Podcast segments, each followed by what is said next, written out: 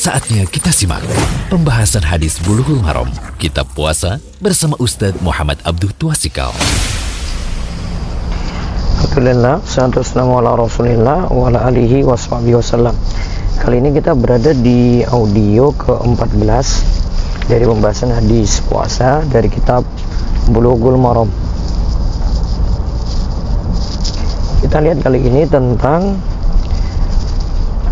berbuka puasa dengan kurma. Berbuka puasa dengan kurma.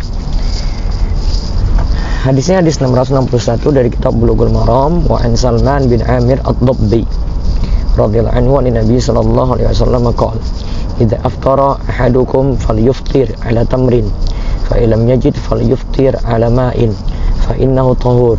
Rawahu al-khamsatu wa sahih ibnu Khuzaimah wa ibnu Hibban wal Hakim dari Salman bin Amir ad-Dabbi dari Nabi Shallallahu Alaihi Wasallam beliau bersabda jika salah seorang di antara kalian berbuka maka berbukalah dengan tamar atau kurma kering. Jika tidak dapati kurma maka berbukalah dengan air karena air itu sifatnya menyucikan. Ibnu Hajar berkata bahwa hadis di atas dikeluarkan oleh yang lima yaitu empat kitab sunan Ibnu Majah, Abu Daud, An-Nasai, dan Mustad Imam Ahmad. Hadis ini disahihkan oleh Ibnu Khuzaimah, Ibnu Hibban dan Al-Hakim Kesimpulan dari Syekh Al-Bani mengatakan bahwasanya hadis ini dhaif yang sahih hanyalah dari perbuatan Nabi SAW sebagaimana yang disebutkan dalam hadis Anas bin Malik. Jadi bukan dari kaul perkataan tetapi dari perbuatan Nabi Shallallahu Alaihi Wasallam. Hadis yang pertama hadis di atas menunjukkan disyariatkannya berbuka puasa dengan tamar atau kita sebut dengan kurma yaitu kurma kering. Yang kedua sangat bagus berbuka puasa dengan kurma. Namun kurma basah atau rutub lebih utama. Lalu kurma kering atau tamar kemudian jika tidak ada berbuka puasalah dengan seteguk air. Di Anas bin Malik radhiyallahu anhu ia berkata karena Rasulullah sallallahu alaihi wasallam yuftiru ala rutabatin qabla ay yusalliyah fa illam takun rutabatun fa ala tamaratin fa illam takun hasa hasawatin min ma. Rasulullah SAW biasanya berbuka dengan rutab kurma basah sebelum menaikkan sholat. Jika tidak ada rutop, maka kurma basah ini diganti dengan uh, tamar atau kurma kering. Jika tidak ada yang demikian, beliau berbuka dengan seteguk air. Hadis ini riwayat Abu Daud dan Ahmad Syalbani mengatakan bahwasanya hadis ini hasan sahih. Faedah yang ketiga, hadis ini menunjukkan petunjuk Nabi SAW ketika berbuka puasa yaitu dengan hal-hal yang telah disebutkan di mana yang dikonsumsi saat itu bermanfaat bermanfaat bagi badan sebagai asupan makanan dan penyemangat di saat letih berpuasa.